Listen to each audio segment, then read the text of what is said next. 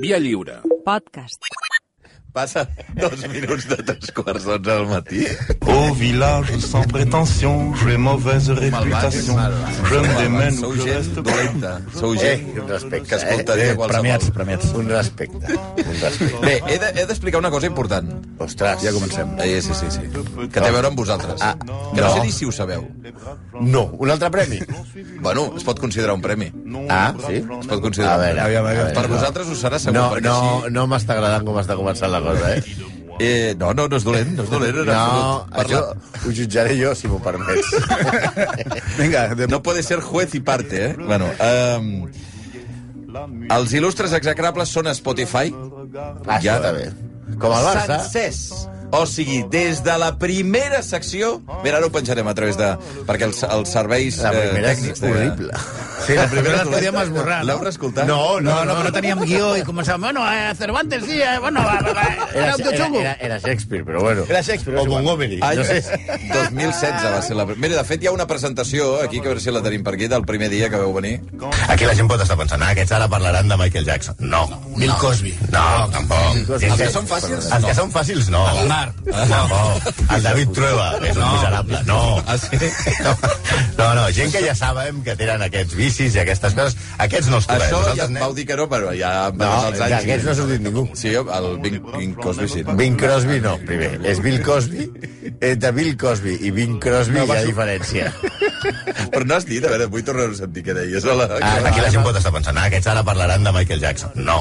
Bill Cosby. No, tampoc. A- Ara resultarà que el que pronuncies malament ets tu. Ja som tres, En aquesta aleshores. taula. Joder. Bueno, eh, en tot cas, que la bona notícia, des d'aquí un agraïment perquè hem hagut de fer feina perquè n'hi ha tantes seccions que no cabien. He de dir que no cabien a dir Aleshores som patrocinadors del Barça. Sí, ah, exacte. Execrable Camp Nou. Exacte, execrable Quedaria bastant millor execrable Camp Nou que a Spotify la, Camp Nou. a la pregunta que va fer aquell soci, seguidor del Barça, que va dir si Spotify vol promocionar, per exemple, Motomami, es dirà Motomami Barça o Mont Mo- Motomami Camp Nou, perquè no voldria... A veure, jo des d'aquí Home, demanaria i- i els- al, i al Futbol Club Barcelona que promocioni Bona tarda d'aquí a l'Execrables Camp Nou. el podcast de, que està penjat ja a Spotify dels Il·lustres Exagrables des del 2016, premium completament, i... i A més, vaja, execrable Camp Nou no és un Eh, mal nom, que eh? enganxa, que li enganxa. Visto, visto lo visto. Home, Sí, dir, execrable Camp Nou, ja està, a partir d'aquí. Bueno, que es vegi que hi són tots. Vull dir, Benvinguts a l'execrable. senyores i senyors, benvinguts a l'execrable. S'ha perdut un nen, s'ha perdut un nen. Bueno, Que li donin pel sac. un- no, i- una última cosa sobre això. Què? Eh, que això sobretot us aniria molt bé per si Ah, teniu nosaltres. dubtes de si, si està repetit algú. Ah, això sí. Perquè busqueu el cercador allà i ja està. Ah, molt bé. Vale, ara solament, només em falta tenir Spotify. Va, eh, què, avui què hem de fer? Avui, què hem de Avui, t'hem de- primer de tot, hem de donar les gràcies. Ui, bueno, això ja no m'agrada tampoc com sona. Sí, no, no, no, no. No, Sí. no pel premi, perquè avui tenim una gran No, responsabilitat. perquè jo no el dono el premi. Perquè, bueno, no, només li dones la roca. Uh, el, el, el, no, no pel premi, perquè és una gran responsabilitat avui fer una. És el primer execrable post-premi. Sí, senyor. És, això d'estar a un Sí, sí. nivell. Sí, senyor. Això està a un nivell. Però sobretot hem de donar la gràcia per com ens vas salvar l'altre dia. Ja t'ho vaig dir divendres. Eh, el Via Lliure Supervivientes ets el nostre Ernst Shackleton quan tothom perdia el cap, tothom corria, hi havia pànic al Palau Robert, pedregada, eh, maremoto, tsunami, eh, Tornado. riuada... Sempre hi ha un home que ha de mantenir la calma. I aquest ets tu. Ets tu, ens vas salvar. Una mica assistiaga, també t'haig de dir. Sí, el zumbido de las balas sobre nuestras cabezas. Però bueno, Que, que plovia, eh, que plovia, que està bé. vas cuidar-te de que la gent estigués A- a veure, a- atesa, atesa al mal com li vas donar Sí. un bol Cocteleos. de cocteleo i, i el vam tenir callat tota una setmana. Va ser maco veure això del Malcolm perquè en, el, en les pitjors circumstàncies de la vida ell menja, ja està. No, no, i a les- i a les millors, també. A veure, he de, he de confessar, he de confessar una cosa. Veníem de, de... Sense esmorzar. No, veníem, jo venia fumant un puro. Mm. Aleshores, se m'havia quedat com el gust del puro a la boca, vaig dir, volia menjar alguna Ah, cosa. sí, Saps? era dir, això. era, era, això és el que passava. Era això. Bueno, vale. I per estar a l'alçada de, del premi que tan merescudament ens han otorgat, És que és tremend. eh, avui... Que arriba una mica tard, arriba una mica tard. Prou, Estem agraïts, bastant, agraïts. però bueno. avui ens posarem amb un tema que ens fa mal a nosaltres. Sí. Ah, sí? Sí, rajarem del fundador d'una nissaga del Tanto, el Tanto, eh? d'un dels principals productors de cervesa. Oi, oi, oi, Ens oi, oi. ficarem amb la gent de la cervesa. Ens sacrifiquem. Avui ens estem sacrificant. Josep Maria Dam? No! Ah. No, els senyors de Voldam poden estar ben tranquils. Home, i contents. Que va ser que ens van convidar Sí, ens van convidar una, a, una, a, a, a una vetllada de boxa a Madrid. a Madrid, sí. No, no que lluitéssim nosaltres. No, ja eh? m'imagino, ja m'imagino. Però que I patrocinar... anireu? Jo tinc feina. No, puc, no, No, puc. jo, o sigui, està, és, és a Madrid, es- ens agafa una mica lluny. sí. Però ho agraïm molt, ho agraïm molt. Sí. Bueno, doncs llavors, si no és Dam, qui és? A veure, és un home que va portar, ha portat tanta alegria al món, tanta alegria a la humanitat com desgràcia a la seva nissaga. Traspassarem un dels nostres límits morals, que eviten parlar contra les coses que ens agraden, per rajar el fundador del més semblant que tenen els irlandesos Ui, a una família reial. De fet, a Irlanda coneixen a la família Guinness, que és de la que parlarem, com The Guinness Tea. ah! Un home També els agrada l'humor semàntic, Sí, eh? de Guinness Tea. Un home fosc, com la seva cervesa, aprofitat, i que va fundar una nissaga de gent absolutament milionària, pornogràficament rica, en contra del que es pugui pensar eren unionistes anglesos, això, no, abstemis, la qual cosa ja, Abstemis? amb la qual cosa, algun, una branca, Sí, ja, ja, una ja. branca molt important de la família Sí, ja, ja ho veies negre. Abstemis, abstemis, són abstemis, que això ja és intolerable, i molt, molt, tot i ser tan rics, molt garrepes, tot i la seva fortuna. Com a però el fet, per exemple, un detall, hi han 700 membres vius del clan Guinness actualment. Aquesta gent eh, creen un, un who is who, un vademecum de, Sí, sí. de dir qui és qui en el, a, la, a, la, a la saga i eh, només l'editen pels parents. Mm -hmm. 700 exemplars. Oh, clar, bueno, ja... I se'ls venen a 25 lliures l'exemplar. El fan cada 10 anys, això sí. Bueno, parlant, parlem clarament d'Arthur Guinness i la seva família, de res, senyors Voldam, que de moment els deixem tranquils. El senyor Guinness, més conegut com una pinta de Guinness.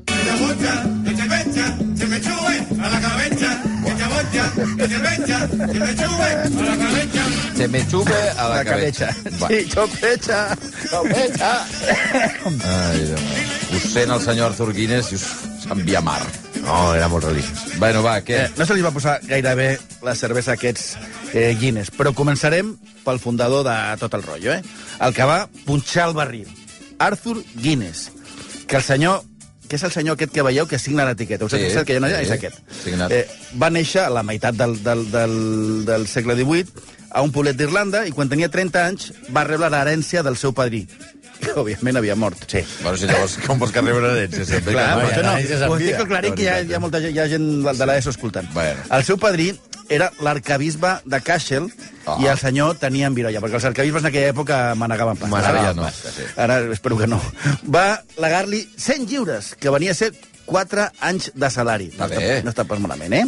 Com que era Irlanda, ja, ja havien arreglat fa 200 anys això dels impost, impost de successions, i Arti va rebre els, eh, el, els diners del capellà, mort, i va decidir obrir una fàbrica de cervesa. Sí, com veurem de seguida, la branca de clergues dels Guinness és gairebé tan important com la branca dels Guinness productors de cervesa. Bé. Que això a vegades està junt, eh? Sí, Perquè els monjos ara i els productors de cervesa, normalment... S'ha de dir que Arthur Guinness no era estemi, com sí que ho és aquesta branca que parlava molt important de la seva família i que renega de l'altra. Estan molt barallats, és molt divertit. Però sí era molt religiós. Es veu que sempre treballava amb la Bíblia sobre la taula i que es va dedicar al negoci de la cervesa, diguem-ne, per motius religiosos i elevats. Sí, heu de tenir en compte que en aquella època la població evitava beure aigua Ah. degut a les enfermetats, les malalties que ocasionava la, la falta de sanejament. Eh! Que és una bona Eh! excusa, eh? Quina Atenció. època, quina època No, no, aquella, eh? és que això també pot passar ara. Sí, sí, eh? jo començo a desconfiar de l'aigua. Sí, eh, sí. Jo això de l'aigua a la xeta, Per que sí, un No de l'aigua. Bueno, i... Pensa que allò, el rodatge de la reina d'Àfrica, Sí. els únics que no van caure malalts Ah, els que bevien cervesa. Van ser Humphrey Bogart i John Huston. sí, que eren els que es rentaven les dents amb whisky.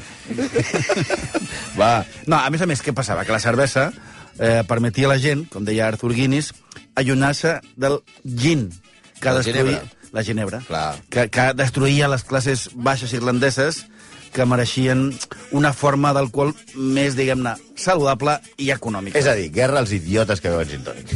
és a dir, però aquests com a mínim no el prenien amb tònic. Però Us està sent dur perquè realment el personatge us cau molt bé. Molt bé, molt bé, Té molt tots bé. els elements a No, favor de és moment. més, és més. Arthur Guinness també acostumava a... Mira, el Toni García Ramon ens està ficant amb, una, amb un Què vol? pernil. Però què fa amb aquest pernil? No, és un regal que m'ha portat. És Ah, un, vale. toma, és un tomahawk de carn. Bueno, val. Vale, eh, que per cert hem rebut grans felicitacions de tothom pel premi, Sí? menys per part de Toni García. Ah, no, no diu res, ell. Ell no diu res. Déu meu. Bueno. Acaba d'entrar el Tomahawk. Bueno, Mare de Déu. Això... Ala. Bueno, és igual, seguiu, seguiu, perquè no Ah, acabarem. aleshores, Arthur Guinness acostumava a citar la Bíblia, la, la que tenia sobre la seva taula, que, atenció, amb Proverbis 20.31 diu el vi és burleta i la cervesa esvalutadora i qui s'extravia per ells no és savi. És a dir, la paraula clau, si vas a mamar-te, és extraviar-te. És a dir, segons la Bíblia i les Sagrades Escriptures, si tu tens clar quin serà la següent parada, el Ah. següent bar, no t'has extraviat. No, ja està. Per tant, pots seguir bevent. Tot a puesto. Això ho diu Déu. Sí, sí. Paraula de Déu. amb l'herència de l'arcabisbe, Arthur va fundar a Leipzig una fàbrica de cervesa rosa. Rosa. Però, Rosa. però als 4 anys eh, es va cansar i va dir això li deixem al Ferran Adrià, eh, que farà sí. una, que si la malquerida, que si tal. I eh, aquesta, aquesta fàbrica se la va deixar el seu germà i va marxar a Dublín, on va fundar St. James Gate, la fàbrica de cervesa negra amb la que muntaria un imperi. I aquí ve un dels mites que cauran avui. Senyors, amics, eh, eh, estimats, la cervesa negra Guinness la van crear els anglesos. Ai, ai, ai, ai, no ai. digueu això a Dublín Ai, quan ai, aneu d'Erasmus i de, Ai, ai, ai, ai. I, de, i, de, i de copes i estigueu a, de Ai, turisme, ai, ai, no. ai. Amb un pub perquè acabareu malament. Però a veure, és la veritat. Arthur Guinness va contactar amb la família Purser, que tenia molt èxit a Londres amb la cervesa negra que feien a la capital anglesa, i els va portar a Dublín perquè fessin la cervesa que feien a Londres, la fessin a Dublín. Ells van passar a ser socis dels Guinness i Arthur es va muntar en l'opulència. Es va casar amb una rica hereva anomenada Olivia Whitmore i van tenir junts la modesta suma de 21 fills. Hosti, tu. Sí. Perquè després digueu que l'alcohol provoca impotència. Això sí, dels 21 fills només en van sobreviure 10. L'aigua. Devien ser els que bevien aigua. Oi, oi, oi, oi, oi. I això, tenint en compte que aquests eren immensament rics i que si de 21 fills et morien 10 en aquella època, imagineu els pobres als quants se'ls hi podien morir. Aquests 10 fills que van sobreviure a l'aigua van donar origen a una nissaga que, com dèiem, és el més semblant a una família reial que hi ha a Irlanda, però que dona origen també a una història més que truculenta.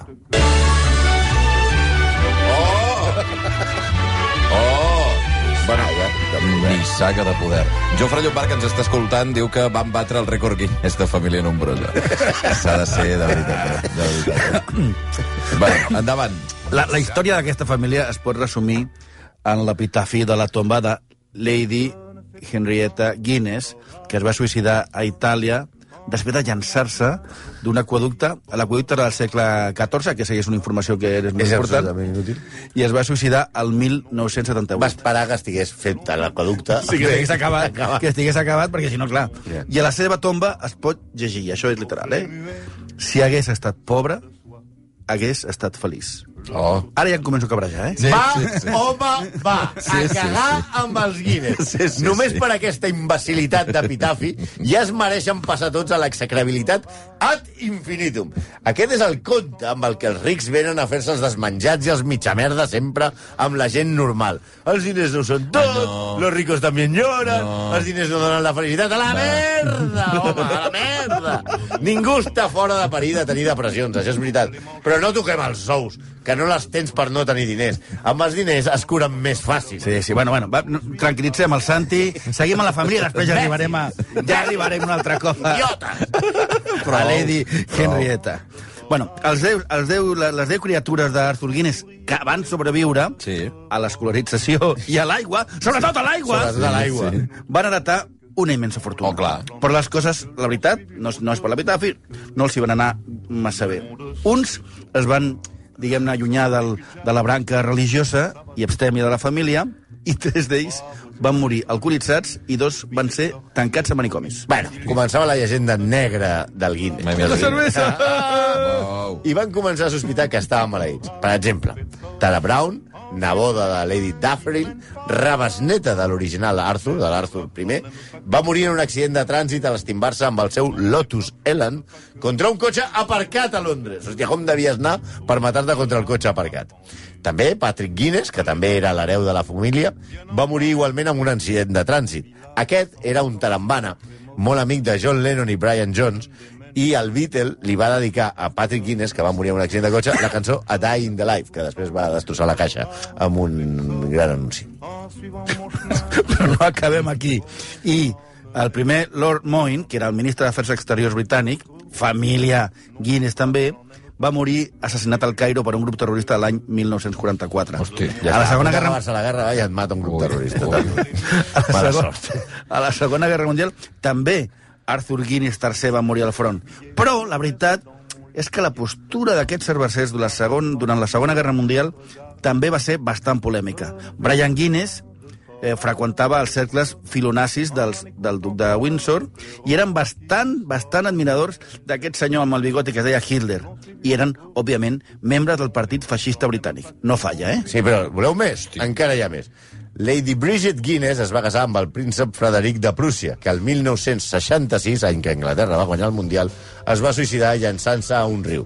Sebastian Guinness, que aquest sí que semblava que era el seriós, que anava a heretar l'empresa. Sí. aquest- Diu, el Sebastian sí que ho farà bé. Va anar a estudiar a Oxford. Anem, portem el nen a Oxford que estudi. Però la seva carrera es va torçar una miqueta quan va ser detingut per un petit tamilla de drogues que va, el va portar a la presó. A veure, que tampoc... I, de fet, va acabar amb la vida de la seva cosina, Olivia Channon, Hosti. que va morir per sobredosi en una festa que Sebastian Guinness va donar a la universitat.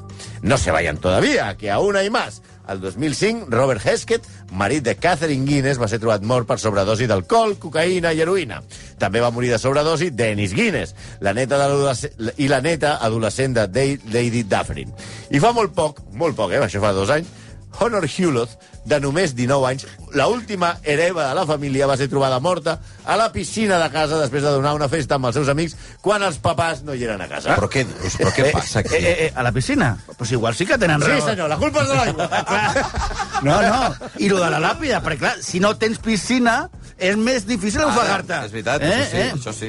Bueno, ens hem deixat el cas de Henrietta, eh, la, la germana del comte d'Aibec, La, la idiota aquella. que era eh, a finals dels 70, dels 70 el cap de la família Guinness. Sí, ella va heretar amb 35 anys 5 milions de lliures dels anys 80. No està malament. Va decidir retirar-se la vida i anar a viure a Itàlia, on es va punxar un jove de 24 anys amb el que va tenir una filla. Aquesta és la que es va llançar de l'aquaducte. Segons els Guinness, la seva desgràcia era que tenia diners.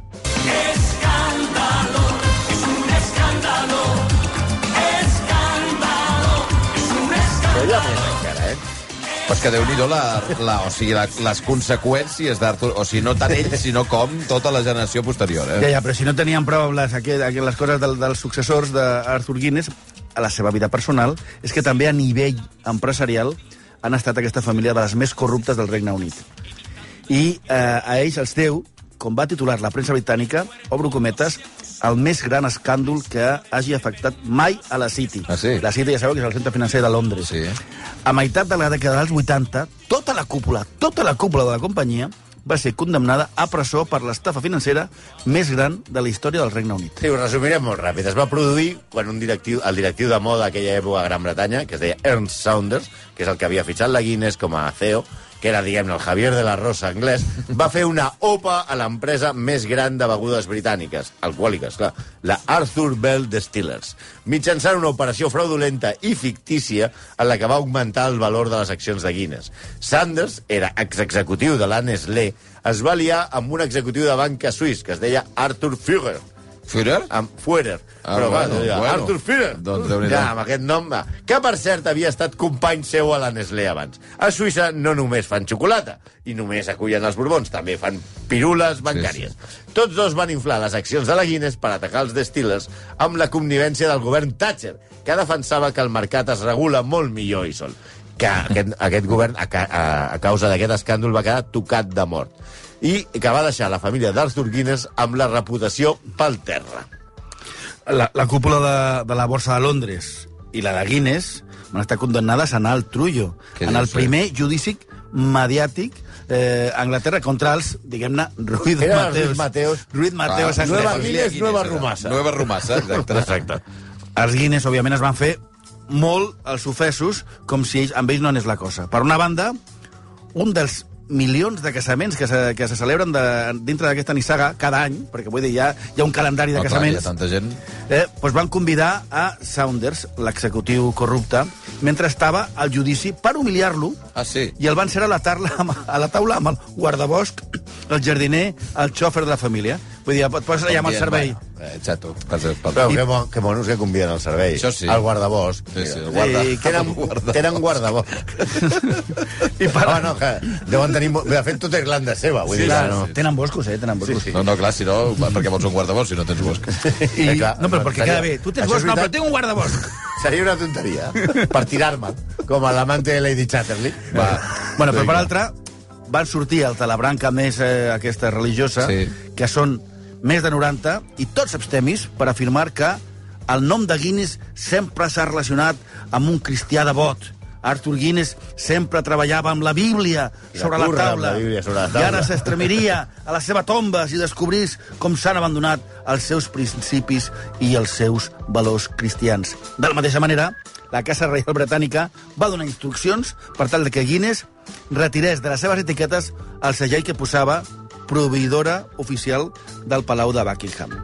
Perquè ara ve una altra mentida que ha caracteritzat sempre els Guinness i que us eh, recomaneu. Que mai digueu, si aneu a Irlanda, atenció. Hi ha algun oient que està a Irlanda que, que està enviant Pues li missatges. recomanem que no digui això que dirà. No eh? diguis això. No perquè diguis jo, com diria José María García, amo a Irlanda. Adoro a Irlanda. Quiero a Irlanda. Mi hígado és quasi irlandès. Però els Guinness, estimats amics meus, que són els amos de tota la puta Irlanda, tan orgullosa Irlanda de no ser Anglaterra, van ser, són i seran unionistes de pedra picada. Són els nyordos d'Irlanda. No ho digueu una nit de copes als pubs d'Irlanda si voleu tenir la festa en pau. Només us ho deixem caure pel vostre coneixement. Tant Arthur Guinness primer com Arthur Guinness segon, successor a l'empresa, van ser protestants i pro-anglesos a la catòlica i separatista Irlanda. Estaven a favor del moviment unificador amb Anglaterra, però els irlandesos, davant d'una bona pinta i una bona taja, passen per alt aquesta nimietat. Sí. Però bueno, és que eh, ven venerat com un veritable heroi irlandès, de fet, Arthur Guinness és un dels pocs irlandesos que han aparegut dur durant més d'un segle en els segells postals irlandesos. Espera, espera, Un moment. explica- explica- de explica l'ESO, què és un segell postal Sí, el, l'ESO. Ja no, no, és com un. NFT, No. és com un NFT que s'adjuntava com a arxiu per poder No. enviar e-mails, saps? Això és, això és un. És un non-fungible token que tu atatxes a l'email Va, i així arribaven les cartes. Bueno, Arthur va pactar sempre amb els polítics anglesos per tal de que re retallessin l'impost sobre la cervesa. Ja sap vostè. Peix al cova, Peix al cova, peix al cova, peix al cova. Molt irlandesos, però anglesos, sempre i quan no ens pugin els impostos. És que la pela és la pela, la lliure és la lliure, the pound is the pound. I Arthur Guinness ho va tenir ben clar des del primer dia en el que ha recaptat cada any milers de milions gràcies a la seva cervesa. Més de 2 bilions es calculen els guanys de Guinness a l'any, es despatxen a tot el món cada any, es consumeixen unes 10.000, es consumeixen ells 100.000 tones de cibada que compren a Irlanda, cada dia serveixen més de 10 milions de pintes de Guinness a tot el món, i tot això va néixer a la fàbrica de St. James Gate, que si heu estat a Dublín és com la sagrada família de Sí, Dublín, senyor. on van tots els turistes de Sí, és el Port Aventura Sí, sí. de Dublín. Fins que van arribar les grans macroplantes de producció de cervesa a Alemanya i sobretot als Estats Units i a Mèxic, va ser la fàbrica de cervesa més gran del món durant molts anys, dècades. Una fàbrica al terreny de la qual no és de propietat de la Guinness, per cert, és de lloguer. És de lloguer i ara és un museu, parc temàtic, parc d'atraccions, que probablement és l'atracció cultural més visitada d'Irlanda. I què paguen per tenir aquesta cerveseria enmig de Dublín? 58 euros l'any. Com? 58 euros. lloguer? L'any, de lloguer, sí. Me, eh, més l'IPC, eh? Sí. I van a... El motiu és que és el que diríem un lloguer antic. Hosti, no. Es va signar al segle XVIII No. per una durada de 9.000 anys. I clar, diguem-ne que amb el pas del temps s'ha anat quedant desfasat. I cada cop serà com més ridícul. I sembla que aquest lloguer seria un rècord. Hòstia, hem dit rècord?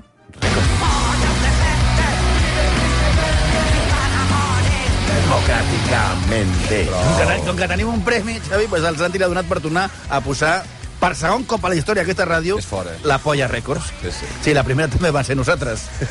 És que si parlem No, de rècords només em surt, la em surt Records, també. la Polla Records. Va. Bueno, el llibre... Darme. Prou, Bueno, vinga. deixem cantar una mica No, sentit. no cal Un montón cantar, de. És que gente un quart de dos del matí. Venga. y van a morir Va. democráticamente. Prou, vinga. yo Prou, vinga. no Bueno. quiero Prou, callarme. prou. Si vols venir al karaoke ja podràs venir. Però... Eh, eh, el, llibre, de- el llibre Guinness dels Rècords demostra que els successors d'Arthur Guinness Ellos són uns cracs amén. del màrqueting. Perquè, clar, ells van, del llibre de, van fer-ho al llibre Guinness, però Sí. també es van inventar això de el dia de Sant Patrici. Això no existia. No, Sant Sí. Patrick's Day. Sí, sí, sí. Home, no Home, no, no, el dia, però no No celebrava existia el com a... dia, era Sant Patrici, però no la el celebració... Aquest, aquest Nadal dels alcohòlics, això no es va fer fins que Guinness ho va proposar. Ah. Sí, és molt fort, Eh, eh? no, no, però a- això és com la Coca-Cola fent allò, sí, sí, inventant-se no, la Papa no, Noel. sí, sí. sí, Sí. Això i el llibre, o sigui, la cervesa, això, se'n va dir. I el llibre són els tres, els tres grans mites, hites de la... De, la- de El llibre de la Polla Records Guinness. Sí, però... A veure, el llibre va néixer per solventar discussions de taverna. Ah, d'aquelles de... Jo sé... Sí, la idea és de L'home més, més gros del món. Sir Hugh Weaver. Era una mica més, més elevada, eh, la idea. Aleshores, aquest senyor, que era el director executiu de la Guinness, que després de sortir a caçar amb uns amigotes, discutien al pub si l'ocell de caça més ràpid era el corriolet daurat, que és el comú chorlito, o el gai de bosc o gaifer, que és l'uruguayo. Li va semblar que un llibre que solventés aquestes preguntes de bar i que feien les discussions de la gent seria un gran èxit. I el tio, és veritat, No, és veritat. la va clavar. A veure, Xavi, tu quan no has estat discutint la velocitat d'un ocell No. a un bar? Quan no, ha- no t'ha però, passat perdona, això? és el, és el llibre perfecte del cunyat, no? Sí, Vull dir que et dona una dada que no, no t'interessava, però bueno, que la té. Però fins que arriba Google. Sí, sí. Perquè dius, què, qui és el més ràpid? Espera, que ho miro en un moment. Ja s'ha acabat, ja Google va matar Guinness. No, però el llibre és un rècord en si mateix. I aquí què? comencem tot entre cometes, eh? Perquè diuen que és la sèrie de llibres, Andrés d'autor, més venuda de tots els temps. Ho dubto. Ho dubto, però és possible, perquè molts anys es va vendre molt, però aquestes xifres de el llibre més venut de la història, Sí, sí. tal, sempre són molt dubtosos. Diuen que és el llibre més robat de les biblioteques de tot el món. També podria ser. No sé si hi ha un registre així una mica Ja, que fiable, no? Dir, aviam, Mollerussa, bibliotecària, quantes vegades li han robat a vostè el llibre Guinness del Rècord? No ho sabem. Això sí, té vendes superiors als 100 milions d'ex- d'exemplars en 100 països, que això també, vull dir, ho fa Dan Brown i d'altres. Mm -hmm. I ja en la seva primera edició, a l'any 57, va ser número 1 a la llista de més venuts a Irlanda? No, al Regne Unit, ah, per Nadal. Ah. Sí. Ah, però el llibre també deixa ben clar que el contracte d'arrendament més llarg del món no és el que va signar Arthur Guinness no. amb els propietaris Ah, dels no? terrenys de St. James Gate Brewery, que era de 9.000 anys. El més llarg també és irlandès i es correspon a un terreny, perquè ho sabeu, i avui podeu parlar amb els cunyats, per un depòsit de clavegaram a Column Barracks, a Mullingar, Westmeath, que es va signar el 3 de desembre de 1968 I quant de temps? 10 milions d'anys. Home, no, va. Els irlandesos, quan et fan un contracte de lloguer, és allò de... Me avanzo los cinco primeros millones de años en forma de depósito, por favor. Bueno. És impressionant. Aquí ho deixem. Arthur Guinness i... So, sobretot recordeu... Sí. Què? Aigua no, eh? No, aigua no. I nosaltres anem a prendre una cervesa, que no serà una Bueno, Guinness. bueno, i si- però si us la porten, també. Tal. bueno, eh, un quart de dotze al matí, gràcies, execrables, eh? Moltes Ah, gràcies a vosaltres, Ja ho eh? penjarem a Spotify. Això pengeu a Adiós. Spotify. Tout le A monde Spotify, viendra me voir sí, com pendu. nosaltres. Premi. Sauf les aveugles, Que tenim un premi. bien entendu.